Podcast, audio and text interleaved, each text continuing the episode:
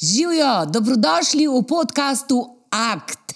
Z, z, z Majem in Zvezdano, Maja trenutno ni, ker je moral preparkirati avto in prihaja v, na, se pravi, prvi tir. Dobrodošli, spodaj imate tak rdeč. Uh, Se pravi, tako rdečo ikonco, subscribe, prijavite se in naj jo spremljate, bo vas zelo vesela. Danes z Majem eh, gostiva eno posebno gostjo, Petro Kaltnekar, eh, ki je v bistvu na nek način se danes znašla v pogovoru z nami. Po naključju, in ker ni na ključi, ampak je vse skupaj na ključ, vas uh, vabim, da uh, tudi vi zaupate na ključju, oziroma da uh, se pri, napišete, uh, o čem uh, razmišljate, kaj govorite, če bi radi sodelovali, da vaju povabiva v pogovor. Prijavite se, napišite in se bomo slišali in videli. Petra, uh, si že kdaj snimala? Ne, tu pa še ne. Danes si padla kot zrela hruška v tole. A? Ja, sem pa nasplošno vajena, ker vse čas se moram prilagajati v življenju in sem že tega vajena, da se zelo hitro prilagodim. In mi je tudi to v veselje in en poseben izziv, da se preizkusim še v eni novi vlogi. A si si mislila, kdaj, da boš z mano tako le sedela, da boš moja posebna gostja? Ne, to pa res ne in mi je v posebno čast in sem zelo vesela, no, da sem dobila to možnost. Ja, kakšno na ključe, ne? Ja. Sreča, ja, ja, se ti zdi to sreča? Kaj ti misliš o na ključih? Ja, mislim, jaz sem tudi vedno bolj mnenja, da, da ni na ključi, no, da, je vse nekako, da se vse zgodi z nekim razlogom. A veš, ker smo se mi dve, namreč, da vam povem, kdo je Petra. Petra je učiteljica, osnovnošolska učiteljica, eh, pesnica, eh, tudi zelo lepo poje. Eh, kaj si še vse, eh, še kaj drugega? Mama. Ja, mama, pa tudi eh, ne vem, gospodinja, ki drži štiri vogalje hiše. Tako, nam je danes tukaj Tako da- me, na podkastu pripravila. Jaz vedno, kdo pride k meni, rečem, kako počuti se kot doma, in takoj nam je pripravila sadno solato. Si nam pripravila, ne? Ja, to, to je tudi eno področje, da rada kuham, tako da z veseljem, če lahko. In, uh, no, kaj ti misliš o tem, uh, ki si rekla, da si zelo prilagodljiva in da se hitro prilag- prilagodiš? A je to tvoja prednost, a je to uh, to, da se prilagajaš, da vedno uh, slediš nekomu in glede na to, da smo se mi dve že včeraj pogovarjali, da, so, da si vedno vsem uresničevala želje, kje je tukaj zdaj tvoja prednost? Kje, kje, iz česa si se kaj naučila v svojem življenju? Ja, jaz mogoče že, ko sem se morala odločiti za področje, kaj, kaj bom šla študirati, takrat sem se odločila na podlagi tega, kaj me je v tistem trenutku veselilo. Sem imela zelo rada naravo, živali in sem se pač odločila za študij biologije. Potem je bila prva zaposlitev v šoli, ravno takrat so potrebovali učitelja in takrat sem pa takoj začutila, da je pa to delo, ki me zelo veseli. In sem potem dopolnila izobrazbo, uh, dolga leta poučevala na predmetni stopni, biologijo, tudi druge predmete. Uh, s časom se je zakonodaja spreminjala. Uh, sem se potem preizkusila tudi uh, na razredni stopni. Zdaj sem pa začutila, da je pa to tako velika ljubezen, uh, delo z mlajšimi učenci, da sem uh, se odločila, da še dopolnim izobrazbo. Ti Tako si sem- zdaj študentka, ne? Tako, trenutno sem ja. študentka pri svojih letih. sem tudi zelo spodbudna za moje sošolke, ki so večinoma po 21 let mlajše. Ampak uh, mi je to, v, želim pač doseči še to izobrazbo, da bom imela možnost pa res delati tisto, kar me izredno veseli. In uh, to delo z mlajšimi, je, jaz se sploh ne počutim, kot da sem prišla v službo, ampak kot da se igram. No, danes bomo peli eno odo učiteljici, ki ima rada učence in rada uči. Ne? Ja, zelo. Mislim, da sem našla pa zdaj res uh, tisti svoj, da lahko rečem, sanski poklic. Da uresničujem, tudi poskušam ne samo predpisane snov, ampak tudi kakšne svoje vrednote in to jim predajam. In živela si pa v družini, ki te v bistvu, bila si, rekla si, da si dvojčica z bratom in da si bila zelo tiha, ne? da se te sploh ni slišal. Uh, in tako. Ja, takrat eh, pač moja mladost je bila, ni bila ravno najbolj srečna, ker se starša nista razumela, tako da je bilo veliko prepirov. Jaz Tako da kot otrok v tistih najbolj občutljivih letih nisem trpela pomankanja vem, materialnih dobrin, ampak predvsem pa pomankanje ljubezni in medsebojnega spoštovanja med staršema, ki sta lahko velik vzor tudi uh, otroku za življenje. In takrat sem to zelo pogrešala in sem se kar zaprla vase, uh, tako da sem bila zelo plaha, ne samo zavestna, tudi slabo samo podobo sem imela. Uh, tako da sem se šele potem, ko sem se enkrat odselila od doma, v bistvu začela spreminjati, uh, delati na svoji samopodobi, se gradila kot osebnost. Tako da danes si pa upam trditi, da sem pa popolnoma drugačen človek, da vse to uh, tudi verjamem v svoje sposobnosti, da sem bolj samozavestna, odprta, tako da zdaj lahko rečem, da prav uživam v življenju. A bi ti pred, pred, pred leti šla tako kot danes, kot si, kot zrela, hruška padla, v to mi ti rekli, pojdi, pridi snemati. Ja, takrat uh, v teh um, najmlajših letih zelo verjetno, da ne, ker imam tudi v spominu, uh, da je bilo treba kaj, pa ne vem, kot otrok na detku mrazu, to sem se kar skrila nekam, ali pa dobesedno me je bilo strah. Spoznavati nove ljudi, ki nisem vedela, sploh kaj ne povemo. Ne. Tako da takrat, sigurno ne. ne. Zdaj mi pa to, ker sem tako, tako mojster prilagajanja skozi te moje situacije, uh, pa to vzamem kot nov izziv, novo priložnost, da se še preizkusim v eni novi vlogi. Tako da mi je, lahko rečem, v veselje. Evo, maj, izvoli, dobrodošel. Aha, a, še, še ni še. Uh, uh, prihajaš, prihajaš. V glavnem, veš, kaj to me zanima, ker sem te tudi vprašala. Uh, da si vedno dajala prednost drugim. Ne, uh, uh, je to, uh, misliš, da je zaradi tvojega otroštva, uh, da je to, to tem v bistvu botrovalo, da si ti vse čas uh, dajala prednost drugim, da so bili drugi bolj pomembni in tako. Ja, lahko da to izvira tudi iz otroštva, ker takrat sem tako občutila pomankanje ljubezni do sebe. In sem se potem res trudila na vse možne načine, da bi pa vseeno pa dobila to ljubezen, lahko tudi od drugih ljudi, ne samo od družine. Tako da mogoče to izhaja iz te moje situacije v otroštvu. In sem res uh, večino časa dajala prednost, vse samo za druge, uh, sebe sem dala nekako na zadnje mesto. Uh, zdaj, z leti sem se pa naučila, uh, da je pa prav, da tudi kdaj sebe dam na prvo mesto ker na ta način sem lahko zadovoljna in tudi veliko več uh, dobijo drugi ljudje od mene na ta način. Če sem jaz srečna in zadovoljna. Ne. Pozdravljene, pozdravljene. Sorry, ker zamujam. za Maja. ja, like, share, subscribe. pozdravljene, čemu se pogovarjamo? Pozdravljene, Petra. Ja, pozdravljen, Maj, me veseli. Super, super. Pogovarjamo se o tem, o, o tem na ključju, kako je Petra kot zrela hruška padla v najn podcast. In uh, kakšna je nekoč bila in kakšna je danes, o samozavesti in o mladosti, kjer so se doma kregali. Ja? In ni bilo ne vem, koliko ljubezni. Ne? Kako, uh, zdaj nočem čisto padeti. No, bom malo počakal, da se malo. Po, uh, Da ne bom prišel čisto kot ne zemljan, noter zraven pogovor. No, veš, kaj jaz sem tebe hotela vprašati, zaradi tega, ker je ona, zač, eh, Petra, začela. Ti, mi dva sva Petro spoznala preko naših izletov v neznano. Je, ja, ja. No, kako si ti njo doživljal? A je ona bila v prvi vrsti ali je bila bolj tiha? Ne, ne, ne, ne, ne, definitivno ne. Uh, Taka tiha samozavest. Um, si tudi učiteljica? Ja, ja. Tudi, tudi. Uh, jaz skozi ponavljam probleme z šolo, šolskim sistemom. Ampak um, od prvega dne, ko sem te videl, sem vedel, da si tako učiteljica, s katerimi sem se najbolj razumel v šoli. Mm, mm. tako kot tistih, s katerimi sem se najbolj razumel, tiste imam še zdaj rad, še zdaj se vidimo velikrat. Uh, da, je, je to je prav, v, mojem, v mojih očeh je to prav posebna energija, mm. uh, ki jo imate um, pedagogi, tisti, ki vam je marne. Mm -hmm.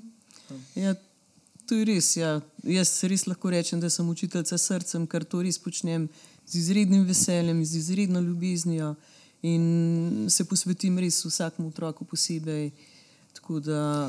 Pa kaj zelo... si tako nežna učiteljica, lahko pri tebi vse delajo? Kako ti, kako ti, namreč, ti si rekla, da si zelo ponosna, da imaš z njimi stik, malo piši te ja. svoje izkušnje tudi na koncu konca. Uh, jaz nikakor ne zagovarjam tega, da mora biti učitelj tak, da se ga otroci bojijo. Ne. Jaz uh, vidno z otroki najprej vzpostavim stik na način, da jim tudi veliko o sebi povem in to jim je izredno všeč, da se odprem.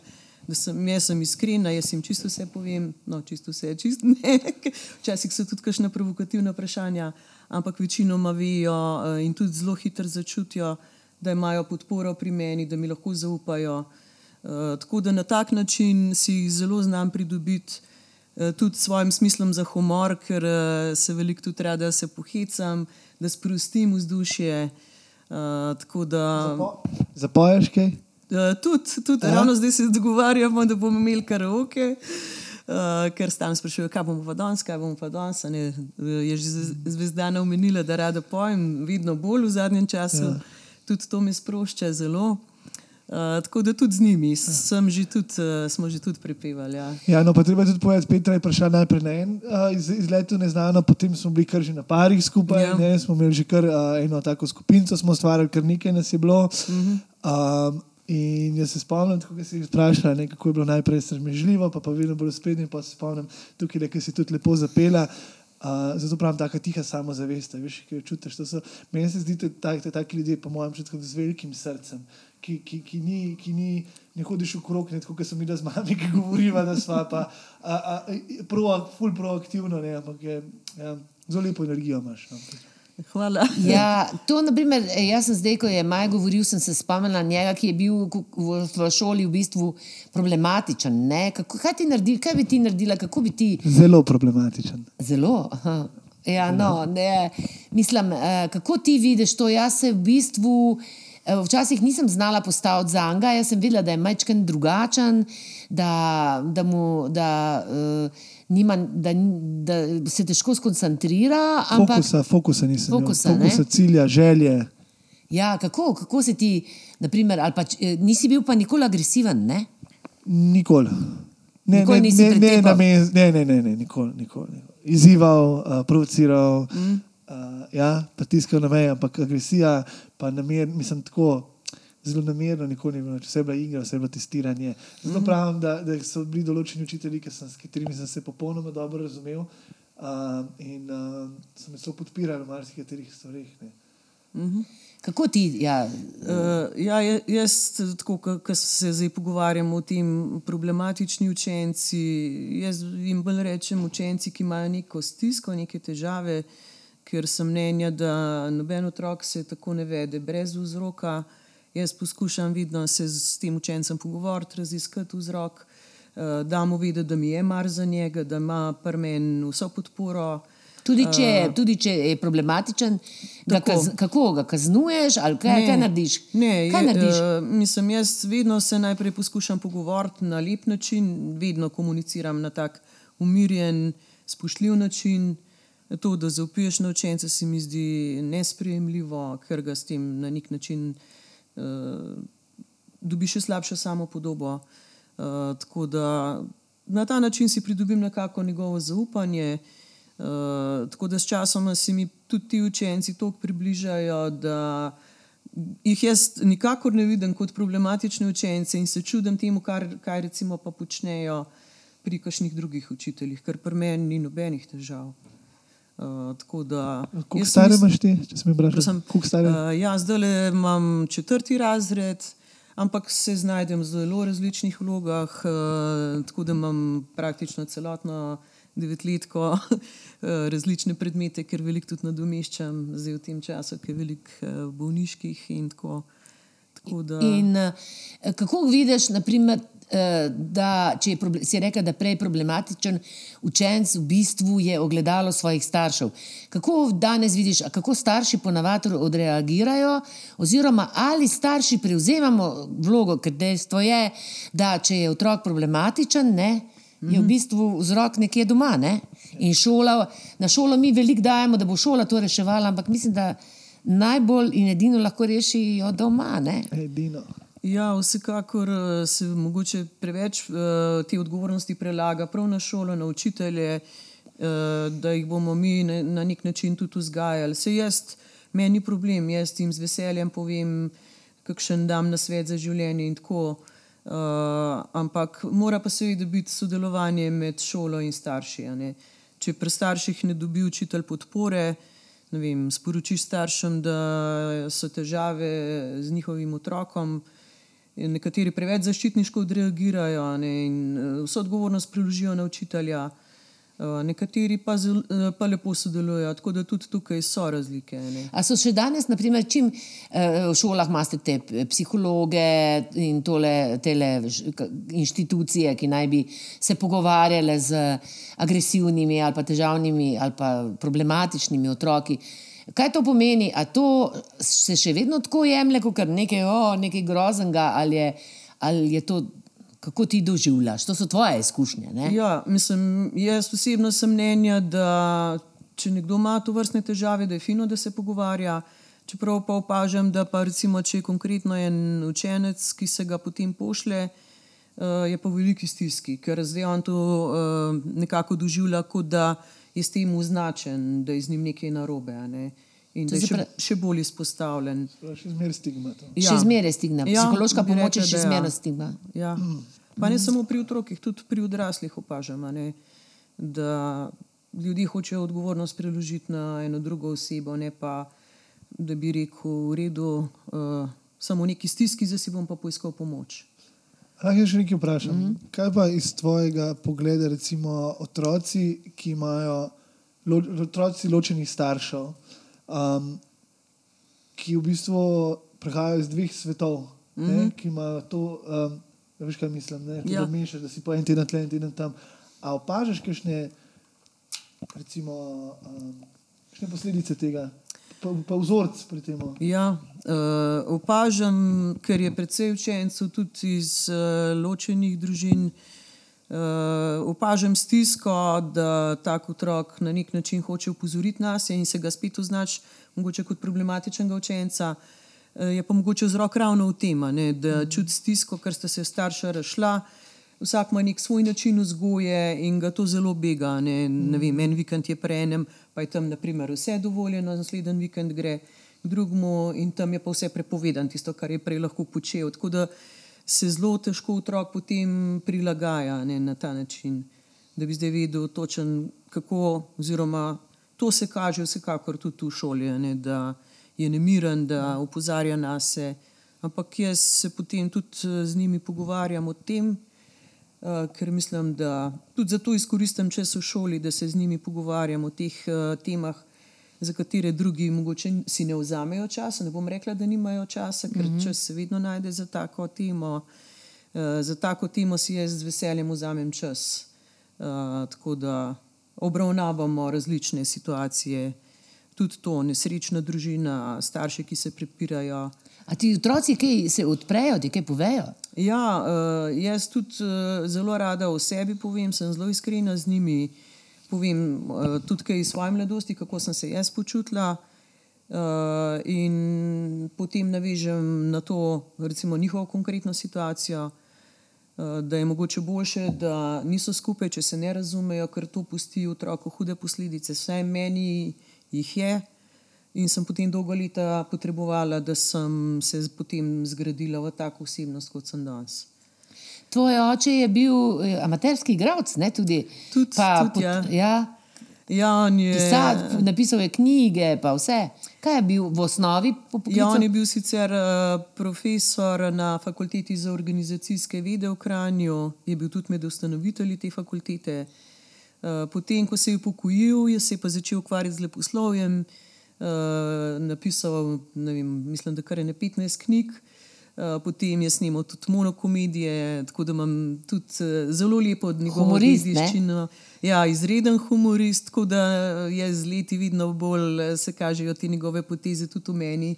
Tako da lahko rečem, da moj oče v meni živi naprej, da jaz te njegove uh, vrednote nesem naprej in jih čim bolj poskušam predati drugim ljudem. Ma, z mamo pa nisi imela dobrega odnosa, v bistvu je mamo tudi zaznamovalo njeno življenje. Ne? Ja, mama je imela pa izredno hudo uh, otroštvo. Med vojno je izgubila celo svojo družino, tudi potem ni čutila neke prave ljubezni. Ona seveda nekako tudi ni znala tega predati naprej, ker pač sama tega ni bila deležna.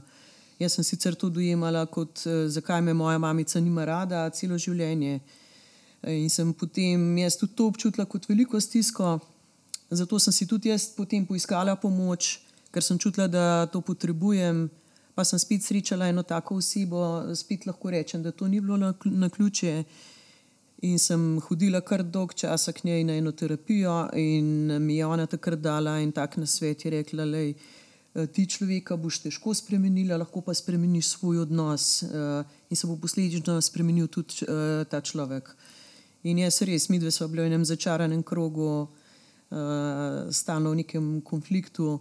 Potem sem pa jaz po tem njenem nasvetu začela drugače reagirati. Sem rekla, ja, mami, le si sem pa zdaj pri tebi, pa sem jo objela in sva res potem prvič lahko rečem v življenju začutila eno tako iskreno ljubezen ena do druge. Ko je umirala, to se Ja, ne to šele. potem mal pred njeno smrtjo, ja, sem pa srečna, da smo se lahko na tak način potem uh, poslovile. Da sem to dosegla in sem nekako tudi glede tega pomirjena. Kako si pa lahko odpustila, kako to narediš?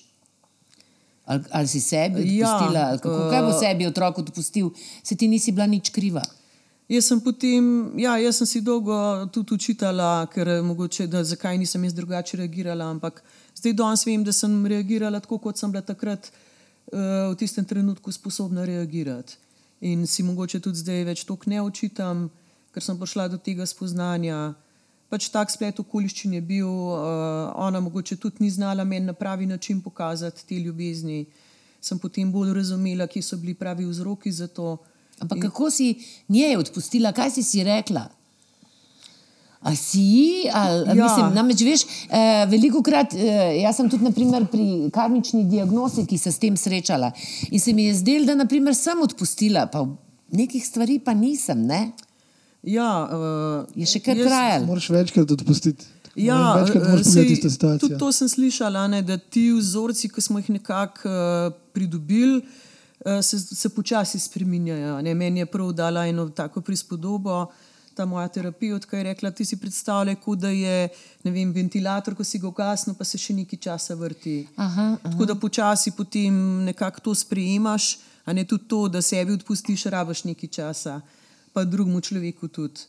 Še vedno se mogoče ujamem, kdaj, da, da kaj omenjam. Tako da zdaj, da bi rekel čisto celoti, uh, da bi človeku odpustil, verjetno kar težko. Uh, poskusiš mu odpustiti tudi zaradi sebe, da pač lahko mirno živiš svoje življenje naprej.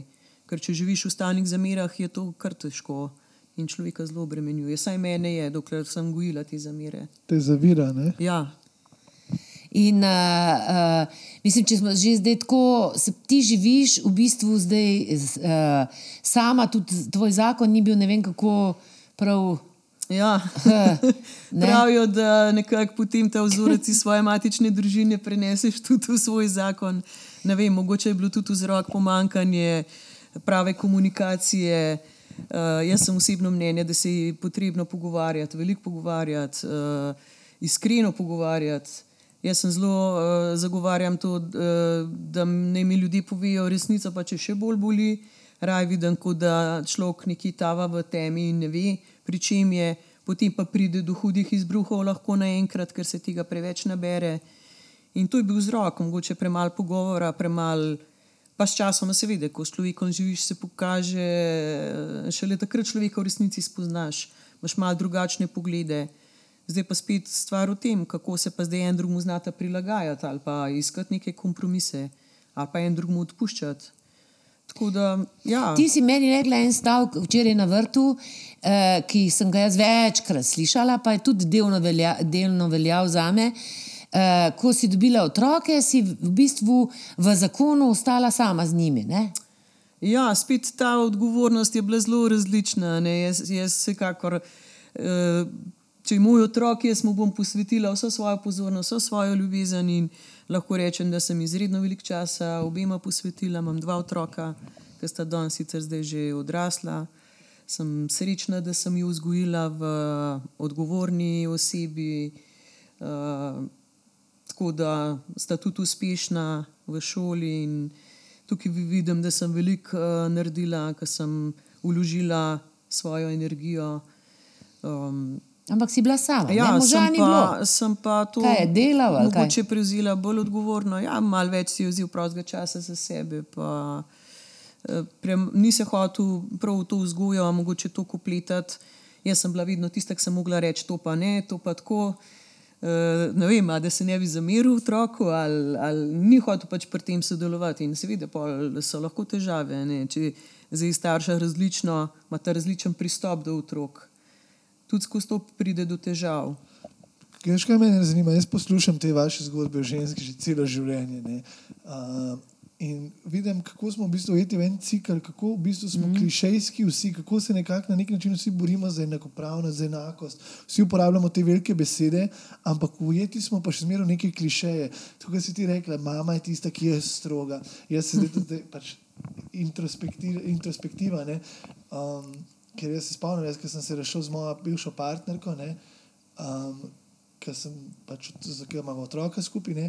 Jaz vem, da sem ravno zaradi teh zgodb še leta potem hodil tja, ker sem se počutil dolžnega, boh ne dej, da bi sama ostala doma z otrokom. Mm -hmm. Ker sem poslušal te zgodbe, ker je srce parajoče, ne samo zaradi ženske, ženske ste močne, vi bi zmogli to, to, to z ne dvomom, ampak zaradi tega, ker so otroci tle zraven. ne. Ampak na, na koncu dneva, pa še zmeraj, ko meni moja hčerka pride, pa se še zmeraj počutim, da sem jaz tisti, ki pa pustim vse. Se pravi, ne? kako smo ujeti v te klišeje, kako, kako, kako, kako to razbiti, kaj ga mislite, da vedve. Kako, kako lahko razbijemo te klišeje in res postanemo enakopravni pod soncem. Veš kako, jaz sem, naprimer, to sem zato Petra vprašala, ker tudi jaz sem, je, meni se je zdelo, ne, da sem bila dosti sama z vami. Mogoče to lahko ti zdaj meni postaviš ogledalo, je bilo to res, a se je meni sam zdel, ne? Sama, medtem ko moški dela zunaj, si vzame čas zase in tako naprej. Me, jaz nisem imela, pri meni ni obstajala opcija, da bi jaz naredila isto, se pravi, šla delati in me cele dneve ne bi bilo. In, bili, mi bili, jaz osebno sem bil hiperaktiven otrok in sem po dve, tri stvari treniral na dan. Tako da se jaz od 6. do 15. leta ne spomnim toliko drugega kot kar treningov, plavanja, nogometa, tenisa, ja. košarke in tako naprej. No, no pa hočem reči, meni se, tukaj je ta paradoks, veš, da ženska kot mat, ta materinski nagon zgleda ne, ne spusti. Uh, in ko se mi vse čas pogovarjamo o moški-ženski princip, ne, in tako se mi zdi, da nekje se nekaj ne sprašujemo dobro, ker, oziroma nekaj nečesa ne razumemo, ker ženska, če ostane sama z otroci, se pravi, hodi v službo in je samo ona z njimi doma in vse na njej visi, mislim, pravzaprav v tistem trenutku nima kaj drugega narediti, lahko se krega, lahko se loči. Mislim, eh, kako zdaj, eh, kje vzpostaviti to komunikacijo, Ej. da do tega ne pride? Sorry, ker sem se spet jaz skočil, ampak Jordan Peterson, ne, ki ga ti ne maraš. Ne maram, maram, jaz maram, maram vse. Jo- Jordan je, Jordan je zdaj sicer Boga najdel, ne, ampak vseeno on, on pravi, da ljudje, ki imajo otroka, so se odločili, mor, da bi morali biti bolj striktni zakoni glede tega. Mm. Če imaš z nekom otroka, se s tem zavežeš, da boš otroka vzgajal. Ne? No, se, to mi je všeč pri njem. To je on rekel in to on trdno, za- trdno začrtal, točno ve kako. In to se mi zdi tako zelo zdrava, pametna stvar. Pa ne imeti otroka, ne? če nisi, z- če nisi uh, uh, pripravljen. Ne? A Veš, uh, mi, mi smo, si mladi vzamejo z levo roko, imamo pa otroka, pa bo to to. Ne? Ampak otroka je treba od, odzgajati še Ja, po- po kaj sploh 18. zveza je, kaj je zveza dveh. Ti si bila na to pripravljena, kako si ti? Rekla si mi en tak stavek, tudi ker se me je zelo dotaknil. Ne, moram reči, da, da nisem bila na to pripravljena, ker seveda, ko sta partnerja sama, je čist druga situacija. Ko se pa enkrat rodi otrok, takrat se pa pokaže pač ta druga stran, koliko je človek pripravljen eh, posvetiti svojega časa, se tudi čemu odreči, eh, predvsem ta odgovornost se pokaže. Ne. Jaz ne morem reči, da, da sem bila čist sama, se je tudi sodeloval, mogoče v teh eh, prvih letih, ko je bilo res težko, takrat sem bila veliko krat sama in so bile zelo hude situacije, saj za mene. Um, Kaj je to, če si konkretna? na Ja, jaz sem tudi ob rojstvu hčerke doživela eno avtoimunsko bolezen in sem se še s tem spopadala takrat. In tudi uh, z njegove strani ni bilo pravega razumevanja, sem bila izredno izčrpana, včasih prav obupana. Uh, tako da sem tudi takrat pa dobila en znak, kaj se dogaja. Tako da še enkrat več govorim, da ni na ključi. Uh, sem prebrala en članek uh, o zapletih po porodu in, in sem takrat videla, spoznala, kaj se z mano dogaja. Ti sama, ne tvoj zdravnik. Jaz sama, ja. Ja. Zdravnica je trdila, da ne, da ne. Takrat mi je ščitenca odpovedala in sem potem v tem članku prebrala. Lahko rečem, da je bila to neka rešilna bilka za me takrat. Sem se pa z, takrat začela zavedati tudi svoje smrtnosti, je bil to hud šok, ker se človek sooči, da bi lahko takrat umrl. In sem potem kar eh, bila nekaj časa, da sem uh, to sprejela, uh, predelala pri sebi. In takrat tudi ni bilo neke take res podpore z njegove strani. Pa lahko rečem, da, da mi je mogoče, da sem mu to zamerila, seveda potem spet poskušaš to odpustiti. Uh, ampak skozi vse te situacije sem jaz vsem uh, zaradi otrok dosegla to, da smo danes v zelo spoštljivem odnosu, celo prijateljskem in se precej bolj razumemo kot kadarkoli prej. Tudi če kdaj je mogoče kakšen od otrok ne ravna tako, kot bi mogel, ga jaz zagovarjam. In mislim, da je to ena taka prava popotnica tudi za otroka, da vidi, da se starša vseeno, čeprav nista skupaj, razumeta in sta spoštljiva en do drugega. In to je največ, kar v taki situaciji potem res lahko dosežeš. A si ti maj, eh, zdaj pač tebe, jaz vprašam, že svojo hčerko so te že kdaj klicali v šolo, češ da je problematična ali pa da nekaj ni v redu? Uh, klical sem v vrtec. V vrtec sem klical, ki je bila stara tri leta. In uh, se trudim biti vseeno uh, aktiven. Ravno zaradi takih učiteljev, kot si ti, se, se, se trudim biti aktiven. Ima se je zdaj prepisala iz uh, osnovne šole Oskara Kovačiča na uh, Kašelj, osnovno šolo Kašelj. Tako da tle še nisem stopil v kontakt uh, z učitelji. Uh, sem jo poklical takrat in jaz sem spet zaradi mojih izkušenj, sem jaz uh, prišel tja najbolj vesel, ker so me poklicali, mm -hmm. ker sem vedel, da jaz bom s tem otrokom stal. Sto procentno stal. In ko so mi rekli, vaša hči govori, mi reče ne. Vaša hči sprašuje, zakaj, zakaj, zakaj. Jaz sem bil tisti klasičen fotor, ki sem rekel, hvala Bogu. Ja. Hvala Bogu, da je še večkrat reče ne. Veš? Ampak pa vidiš, da ni, ni zaradi tega odrasla v punčko, ki zdaj že četrti razred. Ne? Ja. Uh, sem te hotel tudi vprašati, par na svetu, tako malo. Zdaj prihajamo do tega, da, um, da povem do konca. Ja, sem klical in večkrat na osnovni šoli Avskara Kovačiča sem bil zelo veliko v stiku z učitelji. Um, uh, raz, razložil sem jim tudi, kakšen je, kakšna je ima po sebi in smo imeli zelo dober stik, zelo dober odnos. Uh, in tudi ima, ima, ima, ima zelo dobre odnose z učitelji. Um, je pa po očku, ker jaz sem pripovedoval zgodbe, jaz sem se uči, v šoli osnovni razumel s kuharcami, fulover. Knjižničarka je bila moja najboljša mm. prijateljica. Uh, čistilke so bile moje prijateljice, če sem kaj pozabil, sem jaz doskrat pozabil, ker sem raztreščen. Tam laufu nazaj v šolo, vse mi čistilke in ona je isto taka zdaj. Je, zdaj, je z knjižničarko najboljša prijateljica. In Petra, zdaj pa tle rabim jaz pos- strokovni nasvet, prihaja domov z knjigami za najstnice pri najstnice. Ja. devetih letih. In imamo pogovore, katere pri nas, ko se je rodila, sem rekel, ta pogovor bo ona imela z mamo. pri devetih letih, ali je to že, to, je to že tema za devetletnika? Uh, mislim, Mislim, spo, govorim, da, da ne bom govoril v ugankah, govorim o spolnosti, o intimi, o, o tem, kaj so partnerstva in tako naprej. Ja, zdaj moram reči, da otroci precej hitreje dozorivajo, kot je bilo to včasih. Mi seveda, ko ni bilo še interneta, ni bilo računalnikov, je bilo to spet nekaj takega, o čemer se nismo sploh tudi knjige, verjetno takrat niso Tudi bile. knjig še- ni ja. bilo, tudi eh, pri nas doma, v moji družini, je bila to neke vrste tabu tema, o tem se nismo več pogovarjali. Same. Uh, tako da, pa ne vem, eh, da bi rekla, da to zdaj še ni pravo obdobje. Če pač otrok pokaže neko zanimanje, mu razložiš, si vidi na en tak lep način, da on, eh, ti otroci precej več vejo, kot si mi sploh mislimo. Eh, Že v prvem razredu, tako da jaz mislim, da je čisto prav, da se tudi iskreno pogovarjaš z njimi, uh, tudi o teh stvarih. Pač, če pokaže, sej, če, ne, če ne boš ti mu razložil, bo pa nekje Ne, drugje se meni, meni je kompliment, da pride do mene hči, Ja. hči sploh hči, ne, da ne gre do mamice direkt. Ne, se mogoče se je tudi z mamico pogovarjala, ampak da pride do mene in da se pogovarja z mano. Ne. Jaz, sem, jaz sem tudi zelo lepo povedal, ker mi nismo imeli nikoli teh pogovorov doma. Mi, ni, ni, kukorkoli smo a, umetniška družina in to nikoli nismo imeli, bilo to za zaklenjenimi vrati. Uh, tako da sem tudi, uh, ampak sem vesel, sem kar tako lepo, lepo sfural, sam želim vedeti, a, a da ni prehiter, da ne bom kaj. Je Ne, škoda. Mislim, če če da ne. Zanima, Ja, je prav, je prav. Se, tudi mene, se, so, tudi mene sta moja otroka sprašvala, sploh či bila taka. Pa sem polki povedal, pa, pa tako, o, bu. Ja, ja, ja, ja, ja. Jaz pa pol tudi skozi hecane uh, rečem, le si čez par let boš pa čist drugače razmišljala. Pa ne, ne, ne bom, ne bom.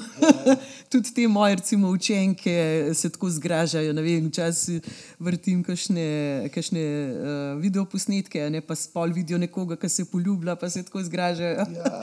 pa malo je spol skozi hec, le si čez par let boš pa ti tudi, pa, pa tako to malo zanikajo, ampak jih pa seveda zanima. Ja. tako da ja, je prav, da se pogovarjaš tudi to. Ta tvoj poklic meni se zdi tudi fenomenalen. Jaz Vedno z otroci rad delo. Ja. In to, da se Ja, saj- posvetiš, da svoje življenje posvetiš temu, se mi zdi. Veš, kaj sem se spomnila, zdaj, ko ste se pogovarjali tako luškano. no. Ti se spomniš, kako si tebe, v katerem razredu te je eden, en, en fantek te je s svinčnikom v hrbet. Zabodel Kaj je to bilo? me. To mi je namreč, razredu- to si mi zameril in to si mi toliko krat Ja, tudi odraslo valjda sem ti zameril, mami, če v drugem razredu imeli smo enega zelo težavnega fanta in jaz sem, jaz sem zelo vodljiv. Mislim, jaz sem tako, čim prije do stvari, ki radoveden. Mm. Radoveden sem. In takrat nismo še videli nekaj kraja. Smo takrat spomniš, sem, smo bili zelo ljubljeni ena punca, pa smo jo vsi nosili, kdo ji bo lepše darilo nesel. Smo si doma neki, neki smo stegnili, neko, neko memorabilijo. Uh, in potem je ta fant mene, ja, prišel je do mene, med, ker je imel očitno psihične probleme, je prišel do mene med malco in me je dobesedno z vilco zabodel v hrbet. Hmm. In jaz, zaradi tega, ker sem bil razigran, radoveden fant, me noben ni resno vzel. Ne? In takrat, mi, takrat se je v bistvu, to, veš, to zelo dobro spomnim.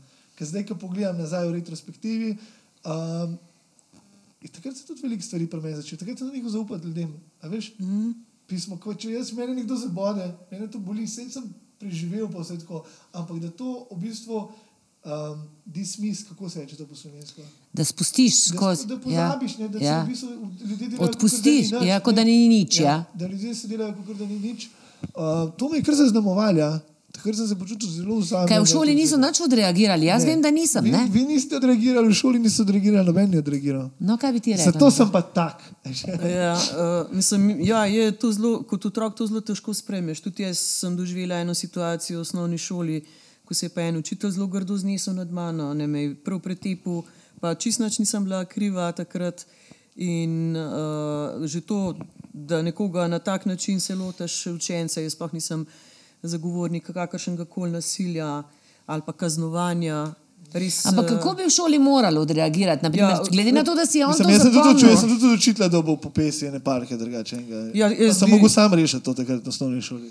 Ja, ker ga jaz nisem naprimer, delala iz tega nobenih dram, nisem šla v šolo zaščititi in unga fantka, da bi moral un fantek biti kaznovan. Kako bi ti to vidiš, pa kako bi ga rešil? Ja, mislim, je, jaz bi zelo verjetno šla, uh, da ne glede na to, kakšen je otrok, eh, tudi če je bolj nemiren ali živahen ali kakorkoli, jaz do vseh uh, otrok ravnam enako. In tudi imam zdaj ravno situacijo, imam enega zelo nemirenega učenca, tudi uh, izvaja neke vrste nasilja nad ostalimi. Ampak jaz mu dam vedeti, uh, jaz sem jim ravno tako rada kot vse ostale, uh, samo ne morem pa tega dopustiti. In takrat sem tudi mogoče svojim staršem spet na nek način zamerila, ker nista šla v šolo, da bi se postavila za, za me. Ampak ona, da sta rekla, ta učitelj te bo še naslednje leto učil in se bo potem še naprej lahko znašel na teboj. In sem pa to mogla tako sprejeti. Mi je bilo pa zelo težko in tudi do danes nisem tega pozabila. Se jih mogoče z leti odpustiš, ampak pozabiš. No, pa pa kako ne. pa si zdaj ti- ti do tega učenca, ki je agresiven, kako pa do njega odreagirati?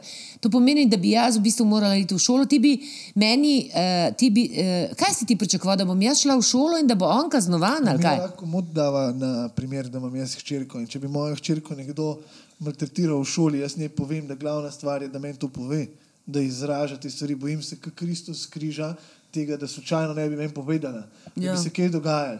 Ker v tem primeru, da jaz vem, jaz bi šel tja, jaz bi povedal učiteljici, jaz bi povedal fantu, jaz bi povedal staršem od fanta. Ker če je fant tak, kot je bil ta fant dotičen, očitno, kot se rekla, izvira iz nekje. Ne? Moja, mm. moja hči meni pove, kako njej sošolci povejo, da jih starši tepejo doma, da jih lomijo. ne.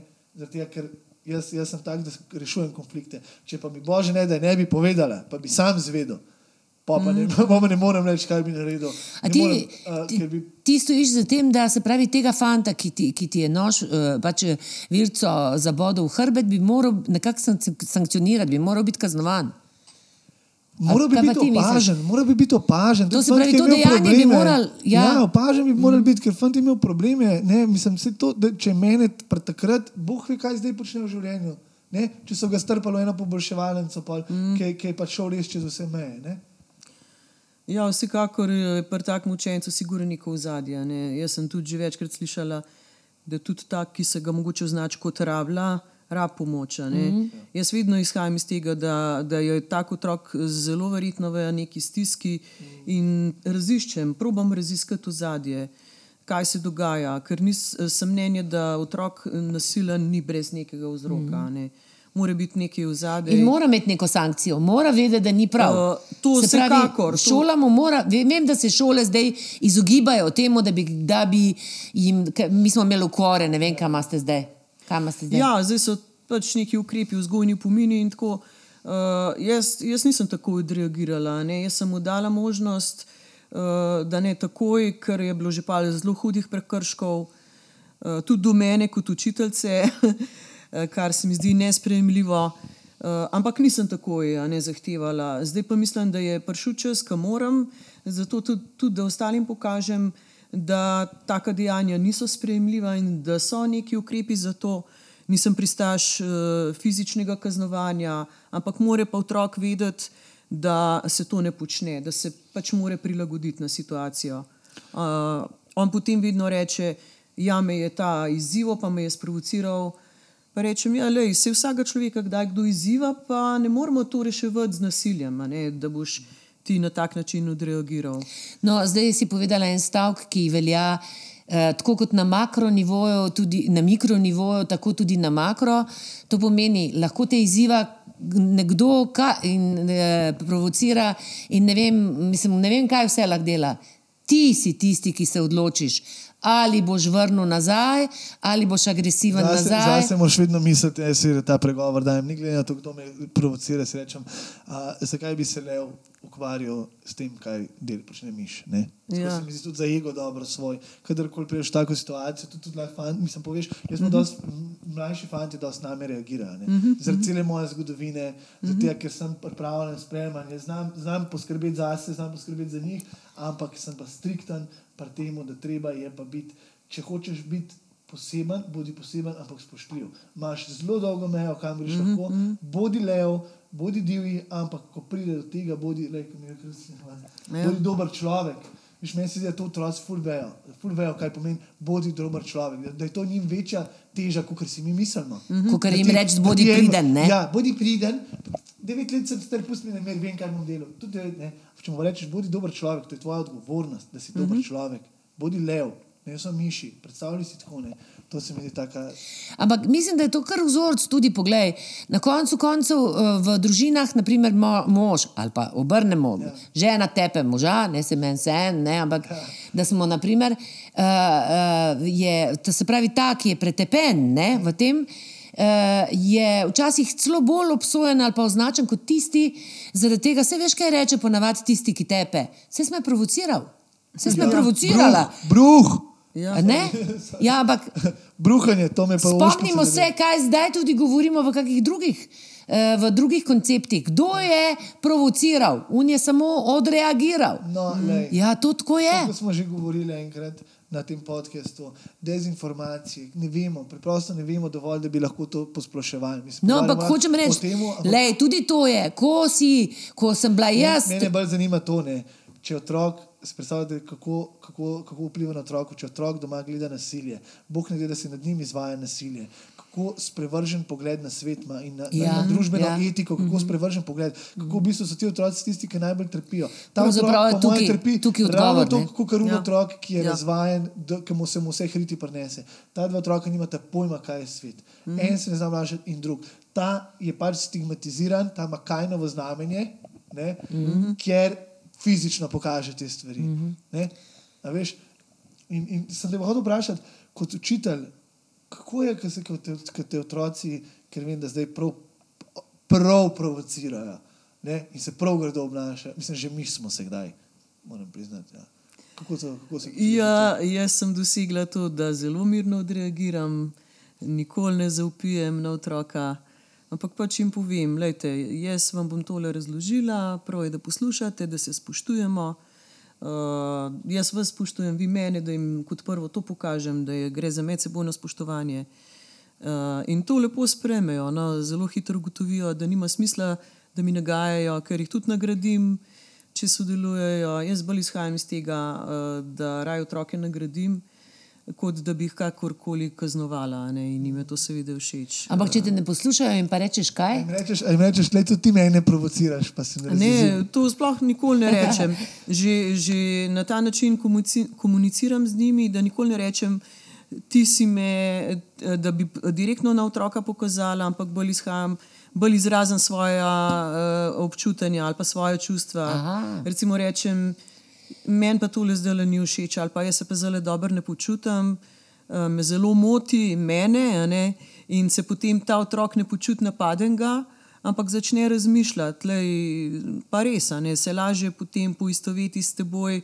Kot če ga ti zdaj direktno napadeš, že tako ima on neke težave, hoče upozoriti mm -hmm. na sebe, potem ga pa še ti, še to samo še poslabša situacijo. ne. Jaz veliko več dosežem na ta način. Zmirno, uh, spoštljivo komunikacijo, pa da izrazim svoje občutke na ta način. No, imam velike uspehe, lahko rečem. No, super. Ja.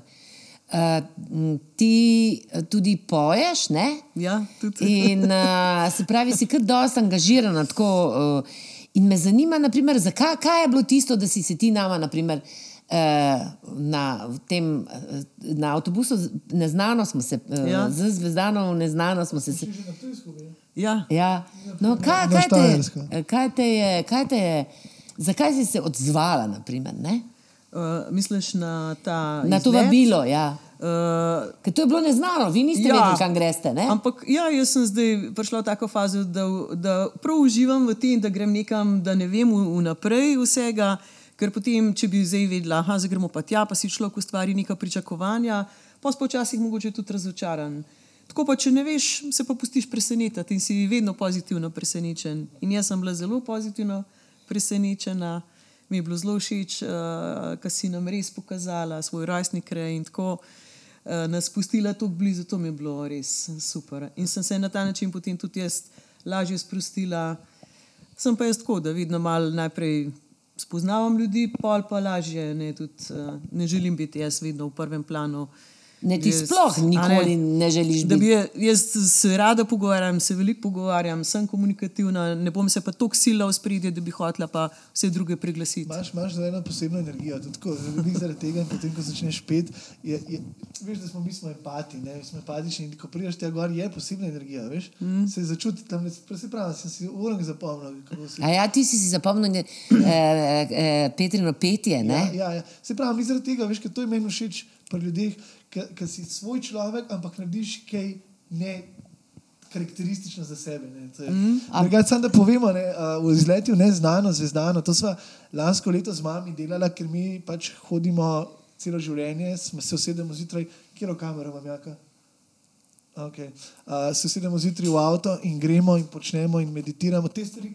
Ki smo jih mi počeli, tudi mi počnemo sami. Mm -hmm. Tako, če bi koga zanimali, uh, mami sicer rekla, da letos nima časa za te stvari početi, ampak po mojem, da če jo sprovociramo, dost, lahko organiziramo kakšen izlet ali pa kakšen dogodek. Ne, predvsem, a si bila z nami na uh, hoji po žarjavici? A, to, to pa nisem bila. No, No, je to bomo še- pa naredili. Ja. To je pa. To je pa še en izziv, ki bi ga To pa sicer. Ja. tam smo tudi uh, Ja. citirali. ne. Aha. Ja, tam smo recitirali, tam smo se o strahovih pogovarjali, soočali s svojimi strahovi. Mhm, Uh, in uh, to, bomo pa, to bomo pa naredili. Ne? Ja, to bi pa tudi rada preizkusila. To se pravi, da si avanturistka v bistvu, Pa na nek ja, način. Uh, vedno bolj zletjeno, ker sem tudi bolj samozavestna in uživam novi izzivi, nove ljudi spoznavam. Tako da na ta način se ravno to petje, ne jaz ne bi. Mogoče v svoji mladosti se nikoli ne bi šla tako izpostaviti. Ne vidno je bilo tisto, kaj si bojo pa zdaj drugi mislili, slaba samopodoba. Vedno sem iz tega izhajala, kaj si bo zdaj kdo mislil.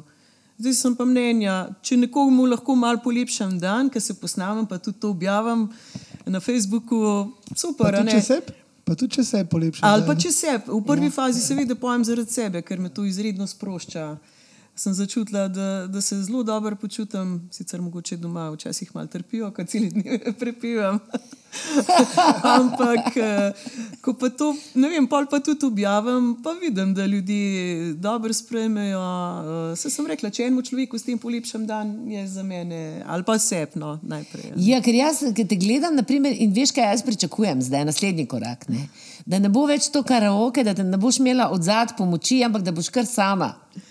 Ja, no, sej, uh, vedno, mislim, ko se učim eno pisem, najprej imam uh, glasovno spremljavo, potem že na to karaoke varianto zapojem. Uh, zdaj že znam določene pesmi, tudi brez glas, glasbene spremljave. Imam pa tudi v načrtu, ker tudi sama pišem pesmi, da bi kakšno svojo glasbila in tudi zapela. Ja v bodoče. Tako da načrtov mi ne manjka.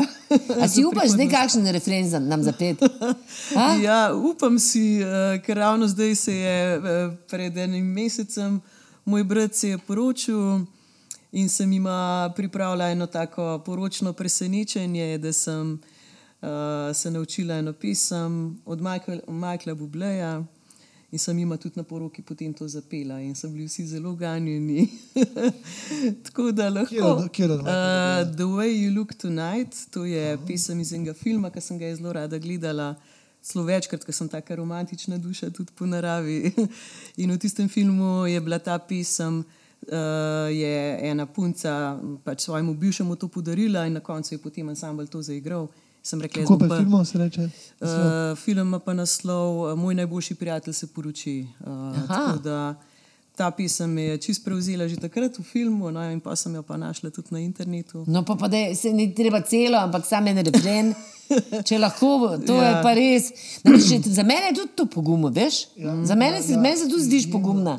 Izjemno, ti, ti moram jaz to povedati. Jaz, uh, to, je zanimivo, ne? mislim, seznanje igralka. Ne? Pa tebe vprašam, ali ni zanimivo, kdaj kaj posnameš, pa daš objaviš in mm. ker vidiš, da je ljudem všeč. Čeprav samo sebi, ne imaš tako občutek. Jaz, jaz ki sem začel te stvari delati zdaj po dolgem času, je zanimiv občutek, ni? Kako, kako ljudem lahko neki pomeni ta zga. Ja, zdaj opažam kar, da, da je dober odziv, no, da, da veliko ljudi spremlja, kaj vidiš, pač tu število ogledov. Tako da se tudi potem z tega stališča dobro počutim. Vedno rečem, če, če je komu všeč, se, če komu ni, pa pač ne rab gledati. Ne? Vsem vedno eh, tako ali tako sprejemam, da ne moreš biti vsem ljudem všeč.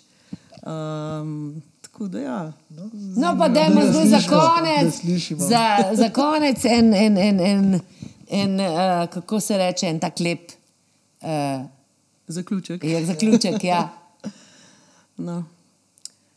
Someday, when I'm awfully low and the world is cold, I will feel a glow just thinking of you and the way you look tonight.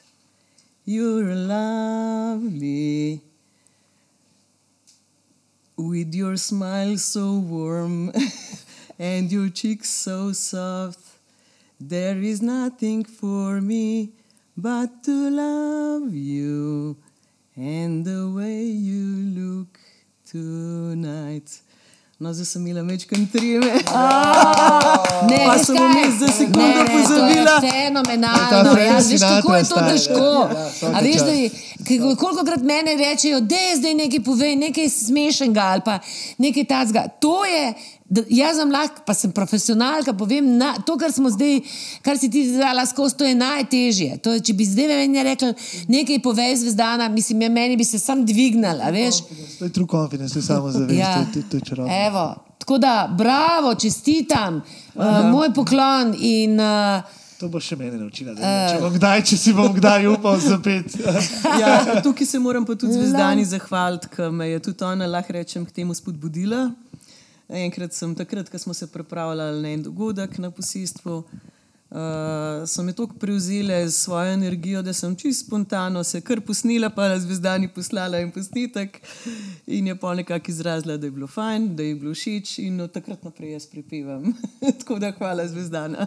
Evo, zdaj je pa Petra vse ostale uh, opogumila. Ja, uh, kaj naj rečem, lep, lepe, uh, lepe pogovore imamo. A? Vi- a, Raznolike. Ja. raznolike a, Jaz sem že prej povabila, če ima kdo kakšno zgodbo, naj se nama javi. Ja, zagotovo, javite se. Um, še enkrat bi radi se zahvalili za mikrofone uh, našemu Janu. Uh, Jan bo uh, spet v um, opisu. Našemu Jakatu, ki Jakatu, ki ga snema. Zvezdana, ki ga Zvezdana ustrajno pozablja tegati na Instagramu. Tudi Jakata bomo enkrat uh, imeli na podkastu, da ga malo poprašamo. Ja, smejte se, pojte, eh, razmišljajte, odpuščajte. Bodite, a, Pejte iz mikro v makro, vedno malo ven, Bodite malo nežni en do drugega, radi se imejte, bodite razumljivi. razumevajoči. Razumevajoči. Ja, in uh, upajte si živeti svoje sanje, ne, Tako. ne glede karkoli se dogaja. Ne? Mislim, da sem ravno tukaj pri tebi prebrala eno misel. Najprej se zbudite in potem začnite živeti svoje sanje. Ja, na VC-ju. Hvala lepa, čau! Hvala. Gumbe kot spodi, bomo veseli. Subscribe, share, like.